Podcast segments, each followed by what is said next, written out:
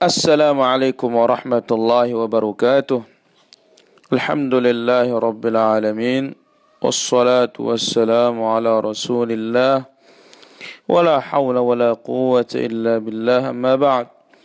أيها المسلمون والمسلمات رحمني الله وإياكم جميعا. الحمد لله kita bersyukur kepada Allah Subhanahu wa taala.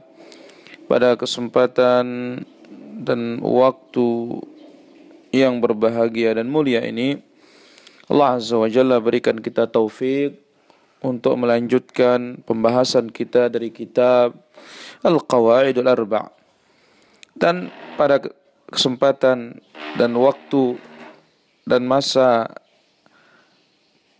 kali ini insya-Allah akan kita ambil Al-Qaidatul Rabi'ah kaidah yang keempat أن مشركي زماننا أغلل شركا من الأولين لأن الأولين يشركون في الرخاء ويخلصون في الشدة ومشرك زماننا شركهم دائم في الرخاء والشدة.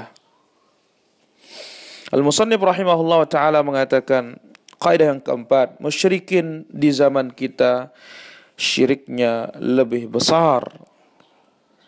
Lebih dahsyat daripada syiriknya orang-orang terdahulu.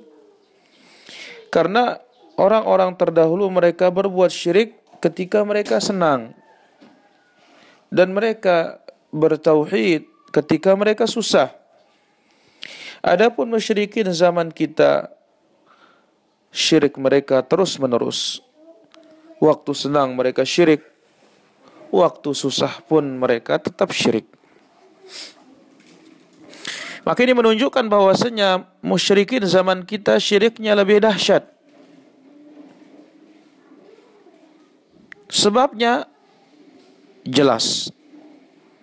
Bahwasanya Allah Azza wa Jalla telah memberitakan bahwasanya musyrikin terdahulu kalau kesusahan mereka bertauhid mengikhlaskan doa itu hanya kepada Allah Azza wa Jalla. Mereka tidak mau berdoa kepada selain Allah karena mereka mengimani dan mengetahui tidak ada yang bisa menyelamatkan dari segala kesulitan kecuali Allah Azza wa Jalla.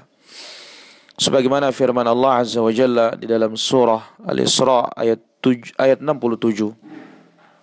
Wa idza massakum ad-dhurru fil bahri dhalla man tad'una illa iyyah falamma najjakum ila al-barri a'radtum wa kana. Apabila kalian ditimpa oleh kemudaratan di lautan. Hilanglah segala yang kalian sembah selain Allah. Illa iya, yang tersisa hanya Allah Azza wa Jalla. Yang diingat hanya Allah Subhanahu wa taala. Dan ketika mereka atau kalian diselamatkan ke daratan, kalian berpaling lagi dari Allah Azza wa Jalla. Sungguh manusia ini benar-benar kafir. Dalam ayat yang lain dari surah Luqman ayat 32, wa idza ghasyiyahum mawjun kadzulali da'u Allah mukhlishina lahuddin. Ketika mereka diliputi oleh ombak seperti awan yang naik di atas mereka, mereka berdoa ikhlas hanya kepada Allah Subhanahu wa taala. Kemudian dalam surah Luqman juga Allah katakan atau dalam surah Al-Ankabut Allah Azza wa Jalla sebutkan ayat 65 falamma najjahum ilal barri idahum yushrikun. Ketika mereka diselamatkan ke daratan mereka kembali berbuat syirik kepada Allah Subhanahu wa taala. Maka musyrikin zaman dahulu mereka syirik ketika senang. Mereka menyembah berhala menyembah pohon kayu menyembah bebatuan. Ketika senang Adapun ketika susah, ketika mau binasa, mereka meninggalkan berhala mereka. Mereka tinggalkan pepohonan, mereka tinggalkan batu, mereka tinggalkan makhluk. Yang mereka mintai hanya Allah subhanahu wa ta'ala semata. Maka musyrikin di zaman dahulu mereka ketika susah benar-benar ikhlas kepada Allah Subhanahu wa taala. Oleh karena itu apabila dalam kesusahan tidak ada yang bisa menyelamatkan kecuali Allah Azza wa Jalla. Maka bagaimana mungkin kita akan berdoa kepada selain Allah ketika senang? Adapun musyrikin di zaman kita ini yaitu kaum muslimin yang terjatuh dalam kesyirikan. Kesyirikan mereka terus menerus waktu senang maupun waktu susah. Mereka tidak pernah mengikhlaskan doa kepada Allah Azza wa Jalla ketika susah. Justru semakin susah mereka, semakin syirik mereka. Mereka menyuruh, Ya Hasan, Ya Husain, Ya Syekh Abdul Qadir Jailani, Ya Syekh Rifai, dan yang lainnya.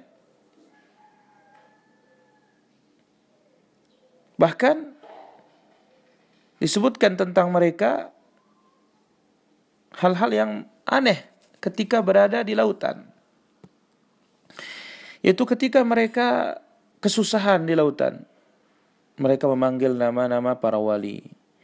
Memanggil nama-nama orang-orang saleh.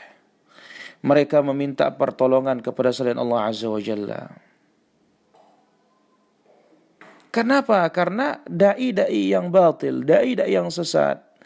Mereka mengatakan kami akan selamatkan kalian di lautan apabila kalian ditimpa kemudaratan dan musibah, panggil nama-nama kami, kami akan selamatkan kalian. Dan ini diriwayatkan dari masyayikh, tokoh-tokoh tarekat-tarekat sufiyah. Silakan baca kitab Tabaqatus Sya'rani. Di dalamnya hal-hal yang mengerikan yang mana dinamakan sebagai bentuk karamatnya para wali dikatakan bahwasanya para wali bisa menyelamatkan di lautan. Para wali akan membentangkan tangannya ke lautan yang akan mengangkat dan akan menarik perahu dan kapal-kapal mereka serta mengeluarkannya dari laut menuju darat. Dan yang lainnya dari khurafat-khurafat mereka.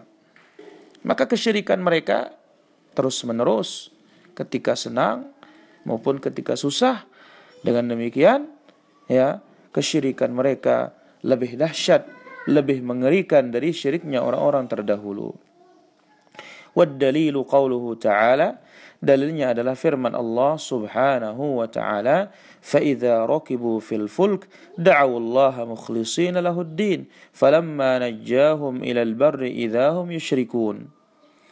Syekh rahimahullah membawakan dalil tentang musyrikin belakangan lebih besar syiriknya daripada orang-orang terdahulu karena orang-orang terdahulu mengikhlaskan ibadah dan doa mereka ketika susah dan mereka syirik ketika senang yaitu firman Allah dalam suratul ankabut ayat 65 ketika mereka naik kapal ombak besar mereka berdoa hanya kepada Allah azza wa jalla tetapi ketika selamat dan sampai ke darat mereka berbuat syirik. Wallahu taala ala wa alam.